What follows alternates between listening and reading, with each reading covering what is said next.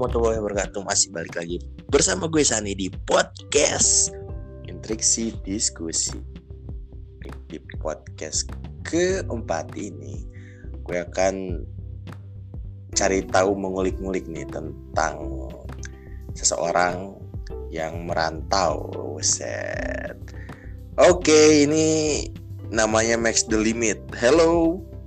Halo, Will Oke ini siapa namanya nih I'm Aldo and Oh, 24 Aldo. years old. Anjay, kan Max.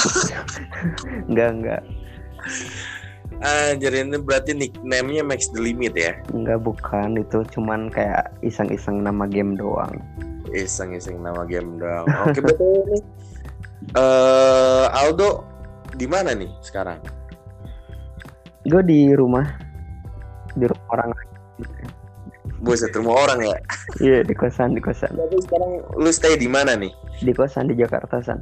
Oh di Jakarta Iya, Oke Berarti lu apa ini gawe apa gimana nih? iya untuk sekarang sih ya masih mencari duit gitu. Mencari duit Iya, berarti mencari ladang. Lu berarti kerja di sekarang di perusahaan Di- apa nih? Salah satu perusahaan farmasi di Indonesia sih. Oh farmasi Indonesia Lebih Iya. ke generik apa ke farmasi? Ya lebih ke herbal mungkin ya, bukan lebih generik atau farmasi, lebih ke herbal. Oh iya herbal ya, sorry, gitu ya. Ya, lebih ke herbal sih enggak bukan bukan kimia. Gitu. Oh bukan kimia berarti lebih ke herbal ya tradisional bukan? Hmm, bukan juga sih karena emang di diolahnya enggak enggak ditumbuk kayak jamu anjir. Ini diolahnya ya diolahnya kayak emang udah pakai mesin-mesin canggih, bioteknologi gitu sih.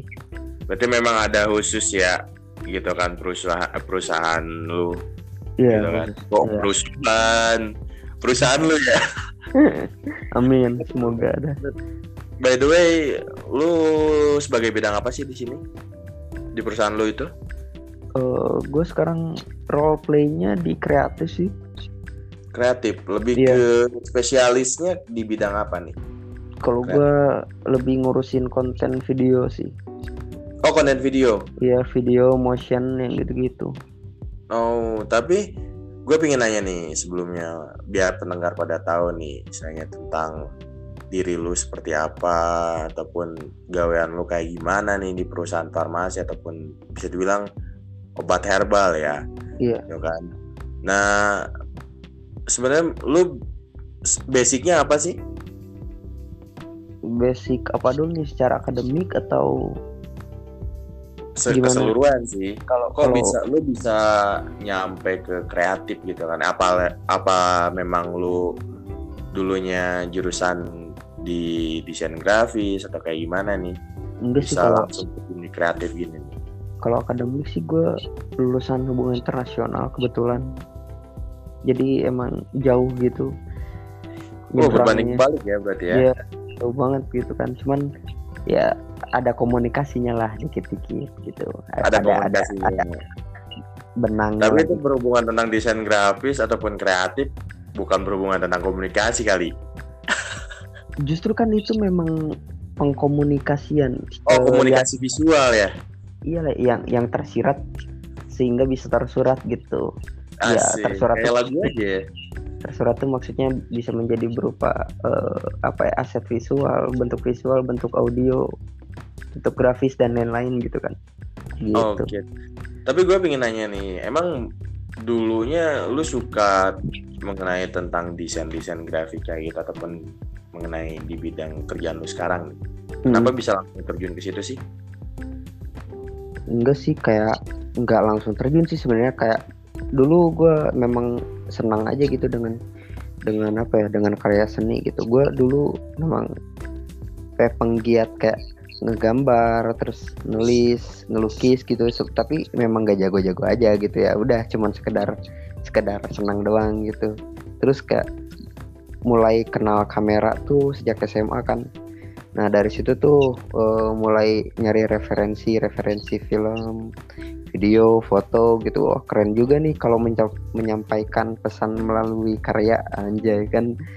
Ya ya namanya anak SMA gitu soalnya kayak gitu dulu Oh ya memang dari dari dulu ya sudah apa ya mencium bau-bau di dunia digital ya. Pagi memang zaman sekarang kan uh, harus pintar ataupun harus cerdas di dunia digital ya berarti ya. Iya sih, iya iya betul.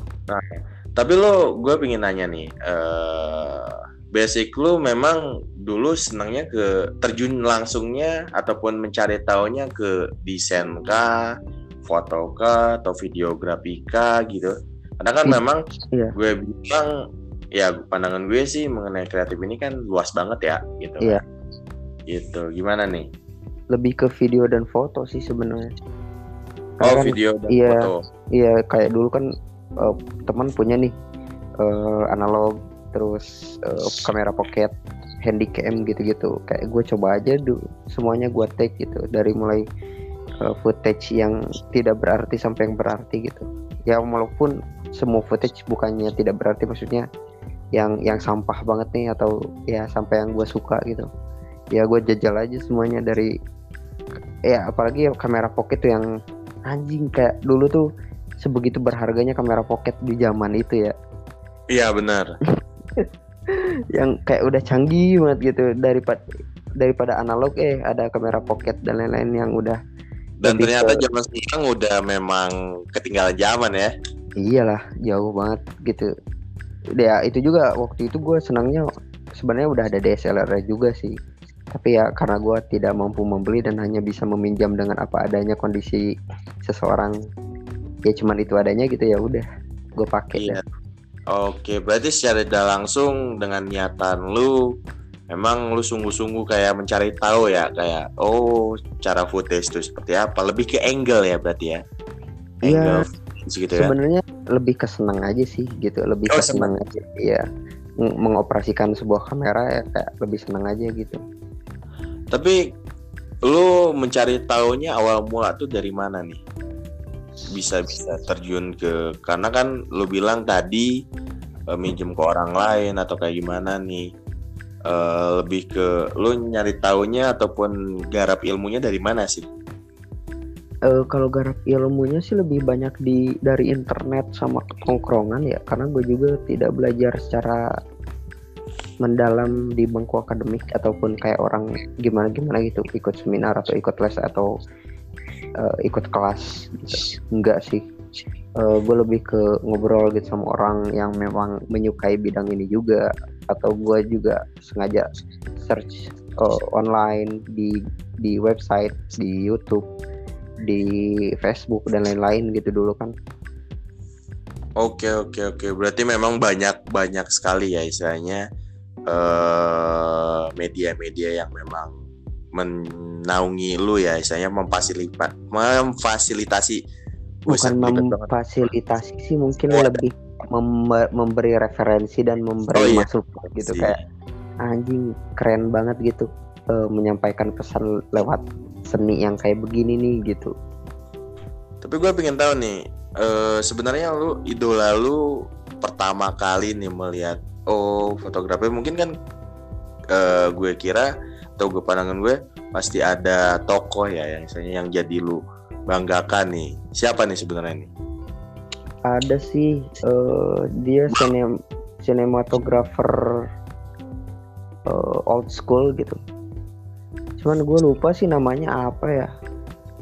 Oh gua memang berarti karya-karyanya dia gitu yang kayak cuman main rule of third doang gitu roll of roll yang yang ya angle-angle-nya yang memang zaman-zaman dulu tuh sinem, sinematografinya gitu yang belum kayak sampai kayak sekarang-sekarang yang udah oh, apa ya referensinya kayak banget gitu. Gue tertariknya di situ tuh. Cuman gue lupa namanya siapa ya gitu. Berarti ketika lu, nah gue pengen nanya nih, ketika memang lu nyoba ataupun melihat karya-karyanya dia tuh ketika lu mencoba real di lapangannya apakah memang gampang semudah itu wah apa gimana nih enggak anjir ternyata susah banget gitu apalagi kayak uh, dengan perkembangan zaman apa ya semakin maju zaman gitu. Toolsnya juga semakin maju. Uh, apa ya uh, device yang kita gunakan juga semakin harus semakin mengikuti gitu. Karena uh, apa ya fitur-fiturnya juga kan semakin kaya gitu. Tapi bukan bukan berarti tidak tidak memungkinkan untuk memakai device yang lama gitu. Ya apa ya namanya lebih segi kepuasan untuk uh, di era sekarang gitu ya yang yang yang canggih-canggih tuh kayaknya yang lebih ini tapi kalau mungkin lebih otentik dan lebih estetik istilahnya kalau zaman anak sekarang ya bisa pakai device-device lama gitu. Oke, berarti tidak menutup kemungkinan pakai device lama tuh tidak jauh beda ya. Iya. Berarti ya masih bisa mendukung lah ya mensupport alat-alat yang lu pakai berarti ya.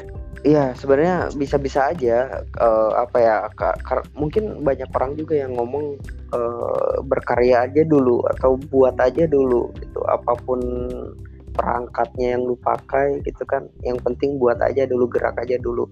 Tapi mungkin seiring berjalannya waktu dengan dengan apa ya? Dengan kegiatan yang gua gua tekuni gitu selama bertahun-tahun gue juga pengen seperti orang loh gitu yang yang mempunyai device canggih yang mempunyai alat-alat peralatan yang mendukung gitu dari segi segala aspeknya gitu bukan hanya segi uh, pengambilan gambarnya doang gitu sih. Oke berarti karya-karya nah gue pengen nanya nih selebihnya karya-karya lu tuh lebih dominannya ke ke apa nih genre apa nih kalau musik kan genre ya kalau di foto tuh ataupun video tuh apa nih? Kalau di fotografi sih gue lebih ke, menyukai ke street fotografi ya, karena lebih oh, real aja gitu, ya lebih real aja gitu nggak dibuat-buat kalau menurut gue.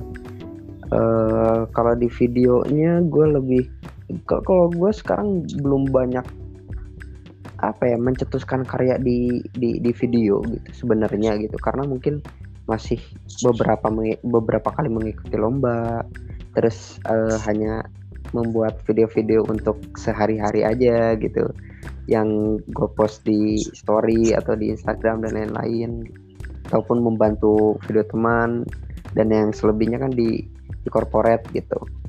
Ya ada sih oh. beberapa yang yang yang dengan klien dan lain-lain gitu. Cuman uh, dari situ gue belajar banyak sih. Nggak nggak melulu satu genre gitu untuk di videografinya.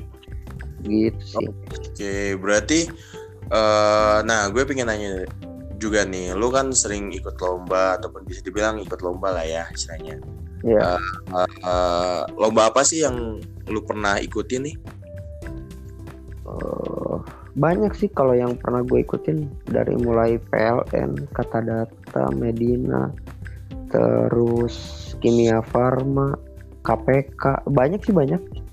Berarti banyak banget ya karya yang lo buat sejauh ini gitu ya. Enggak, itu biasanya banyak juga sih. Enggak kayak orang sih sebenarnya. Kayak banyak oh, iya. banyak orang di sana. Yang lebih yang lebih wow gue liatnya anjir anak-anak muda zaman sekarang kan kayak anjing karyanya keren-keren banget gitu. Gue kayaknya tertinggal jauh sih sebenarnya gitu. Tapi mungkin dengan lambatnya waktu ataupun next day ataupun next years uh, lu bakal banyak-banyak karya kayaknya kemungkinan ya, besar. Amin semoga deh gue ya gue juga pengen sih kayak bisa mencetuskan karya original gue yang bisa dipandang orang sih gitu. Ya benar sekali. Memang butuh proses ya. Yang iya. namanya kerja tidak bisa instan langsung berarti. Iya. Kan? Iya. Karena memang mungkin eh, kerjaan lu menyangkut tentang otak kayaknya ataupun konsepan ya. Berarti iya. gue gue pandang lu memang orangnya orang konseptor nih ya. Iya.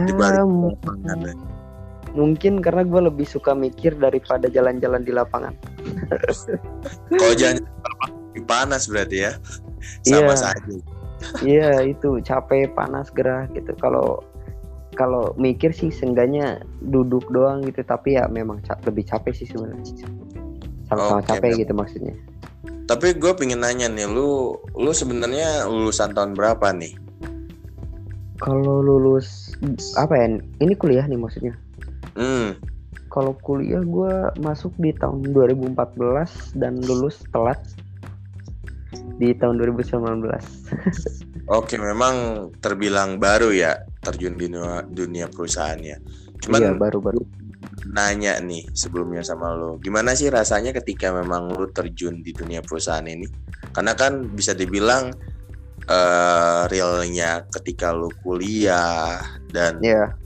etik akademi lu hubungan internasional ya Iya. dan sekarang lu masuk di dunia perusahaan di bidang kreatif ini apa sih yang lu rasakan?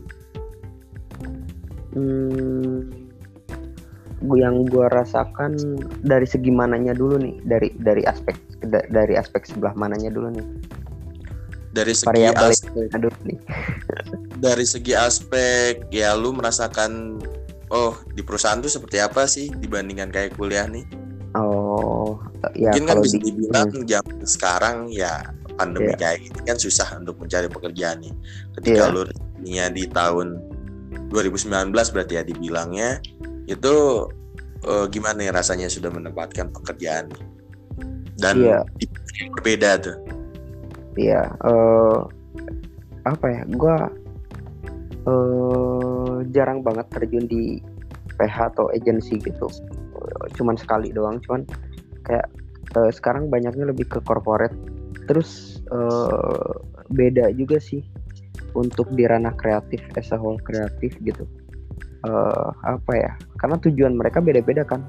Kalau misalnya Iya. lu mau Iya benar benar benar. Iya, kalau kalau lu mau show off tuh untuk segi di kreatif ini di kreatif industri ini kayaknya lu nggak nggak bisa nggak cocok gitu untuk bekerja di sebuah corporate gitu karena beda tujuan tujuan dan apa ya pitching pitching goalsnya lah istilahnya gitu pitching goalsnya itu beda aspeknya gitu beda parameternya beda variabelnya beda se- semuanya gitu.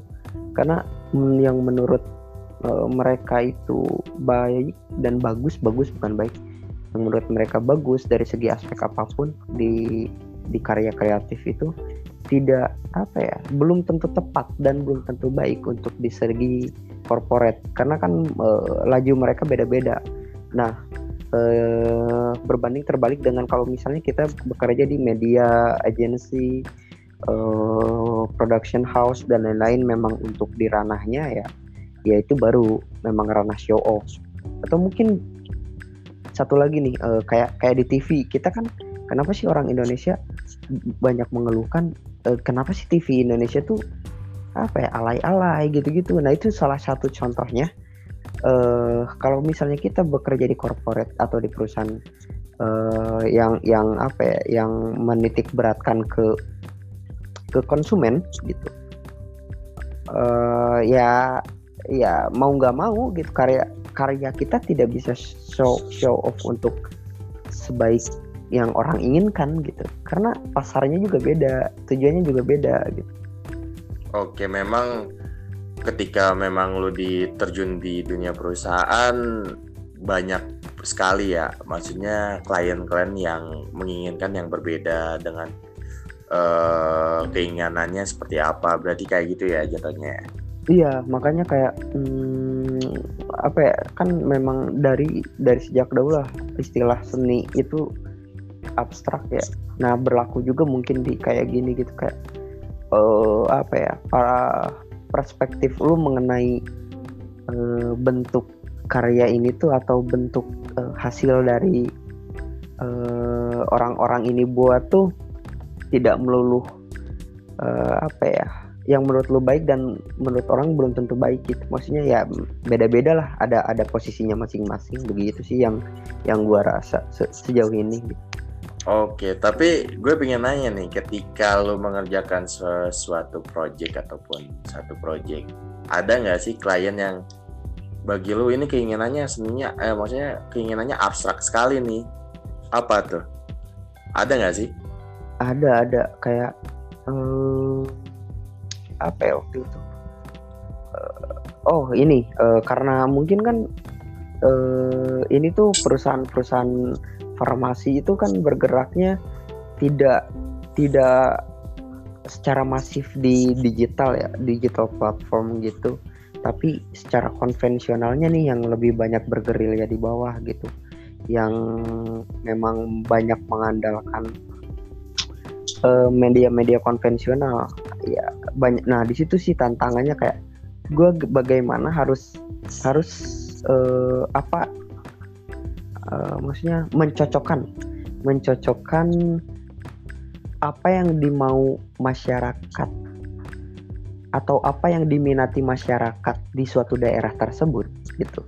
Agar mereka mau melirik produk uh, yang yang yang kita brand yang kita branding gitu istilahnya. Nah gitu tuh yang yang titik kesulitannya tuh.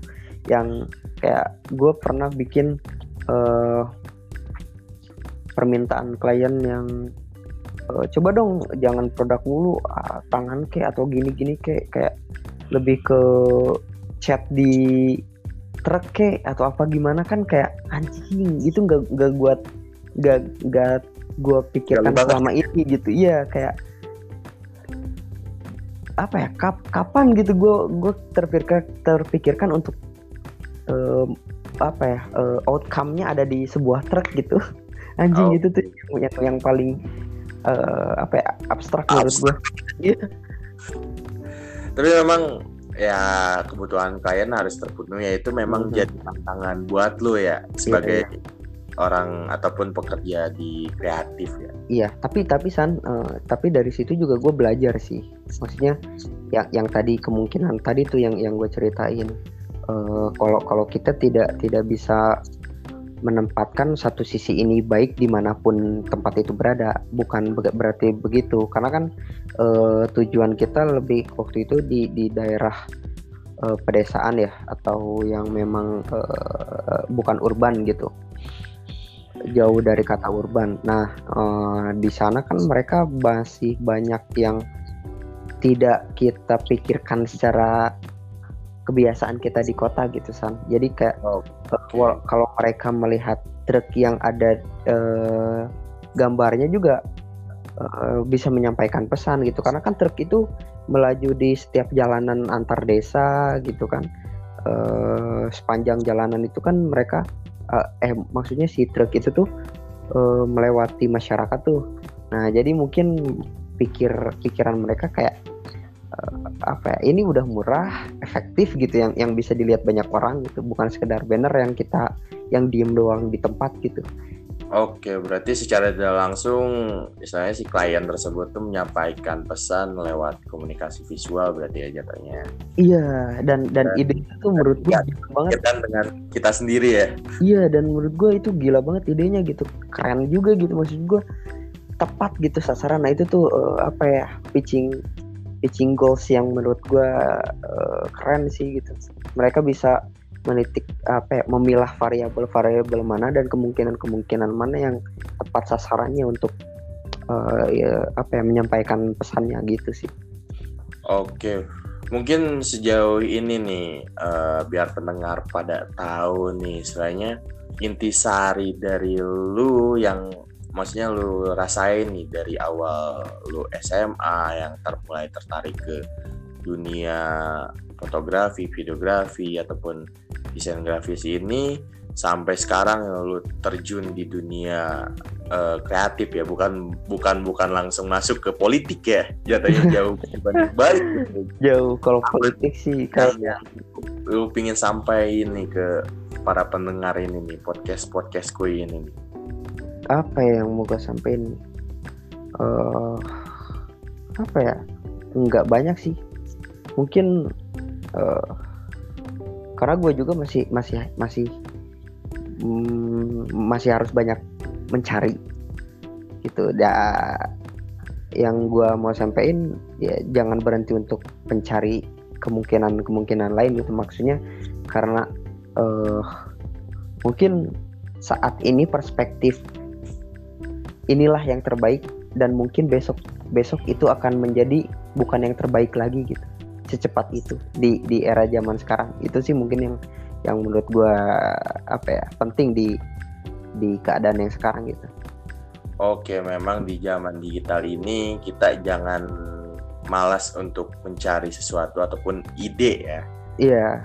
Lebih ke apa ya? Oh, gue pingin garap sesuatu, jangan bermalas-malasan gitu ya. Iya. Oke, memang inilah uh, para pendengar-pendengar setia anjay podcast gue ya. Memang ini salah satu orang yang memang bisa dibilang fighter ya istilahnya kita tidak menutup kemungkinan ke depannya uh, tidak hanya di bidang akademis ya tapi kita harus selalu menggarap sesuatu yang memang harus edan lah. Bisa dibilang out of the box ya. Iya gitu. Karena gue juga waktu itu sadar sih gue kuliah tuh uh, apa ya anjing nggak pintar-pintar amat gue kuliah gitu kan. Nilai aja pas-pasan ya udah di situ kan ada teman-teman yang yang minat juga terus ada UKM juga ya income gitu kan yang yang kayak uh, banyak orang-orang menyukai satu uh, apa ya satu sama berarti lebih ke kreatif ya. yang sama gitu ya ya udah di situ mulai belajar tuh sama teman-teman gitu Oke, berarti buat kalian pendengar nih, jangan malu untuk bertanya ataupun jangan malu untuk uh, belajar sesuatu yang uh, bagi diri kalian untuk pengembangan diri ya. Itu sangat memang uh, memang sangat apa ya? Lebih ke maksimal ya. Iya. Memang itu harus harus harus ada di diri kalian lebih ke oh niatan gue harus uh bener-bener kalau memang lebih ke hobi berarti jatuhnya lu hobi ya lebih ke hobi sih mungkin menurut gue tidak bisa dikatakan hobi karena uh, uh, se secara definitif gitu ya yang dinamakan hobi itu ketika kita menjalani itu sesering mungkin uh, secara konsisten dan kita menyukai uh, segala aktivitasnya gitu. Maksudnya karena gue di sini sudah menjadi pekerjaan gitu berarti sudah bukan menjadi hobi lagi gitu. Menurut gue ya. Sudah kewajiban berarti. Iya pandangan gue gitu. Jadi kayak ini kayaknya ini bukan hobi lagi deh karena karena bukan bukan apa kemauan kita yang kita kerjakan gitu. Karena kan ada tuntutan orang lain di luar sana yang yang harus kita dengar dan kita kerjakan itu sih. Oke memang intinya buat kalian semua di balik apa ya walaupun bidang akademisi berbeda kita tidak menutup kemungkinan untuk apa ya istilahnya selalu menutup diri untuk berkembang ya.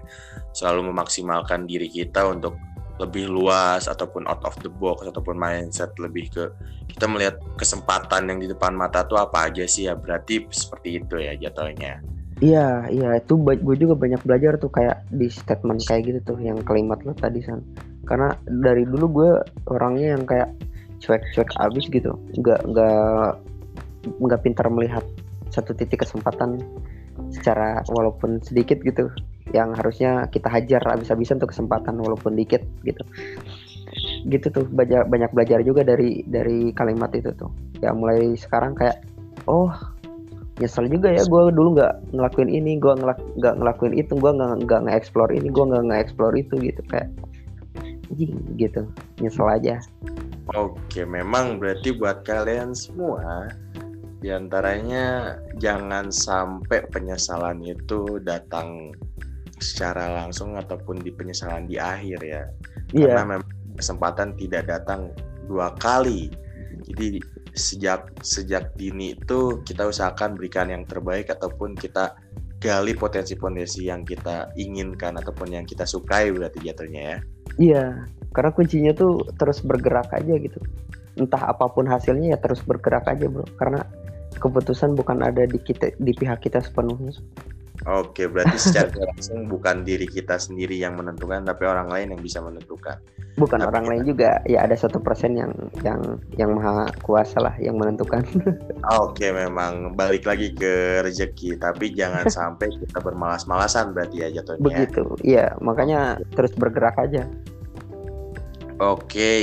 uh sangat super sekali nih sharing-sharing kita dengan Aldo ya, sang kreatif director anjay. Buset, nggak juga gitu sih. Oke, okay.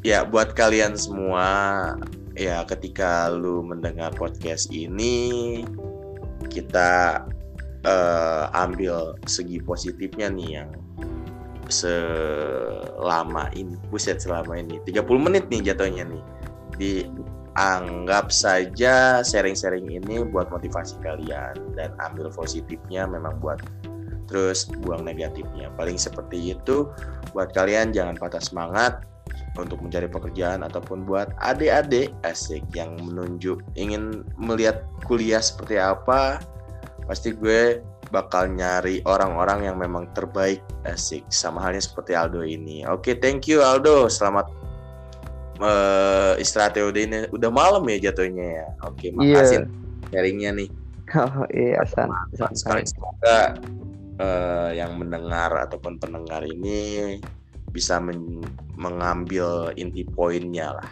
dari segala ataupun dari selama kita berbicara ini. Ya, semoga adalah karena menurut gua uh, omongan gua mungkin masih nol. Oke, memang sih kita on proses walaupun memang terbilang baru kita yeah. di dunia pekerjaan tapi tidak tidak menutup kemungkinan ataupun tidak jangan sampai kita memandang sebelah mata ya jatuhnya. Oke, terima kasih Dok buat Yo. Iya. kalian para pendengar tetap pantengin terus di podcast kita atau podcast gue ya intriksi diskusi di episode episode episode selanjutnya. Oke, terima kasih.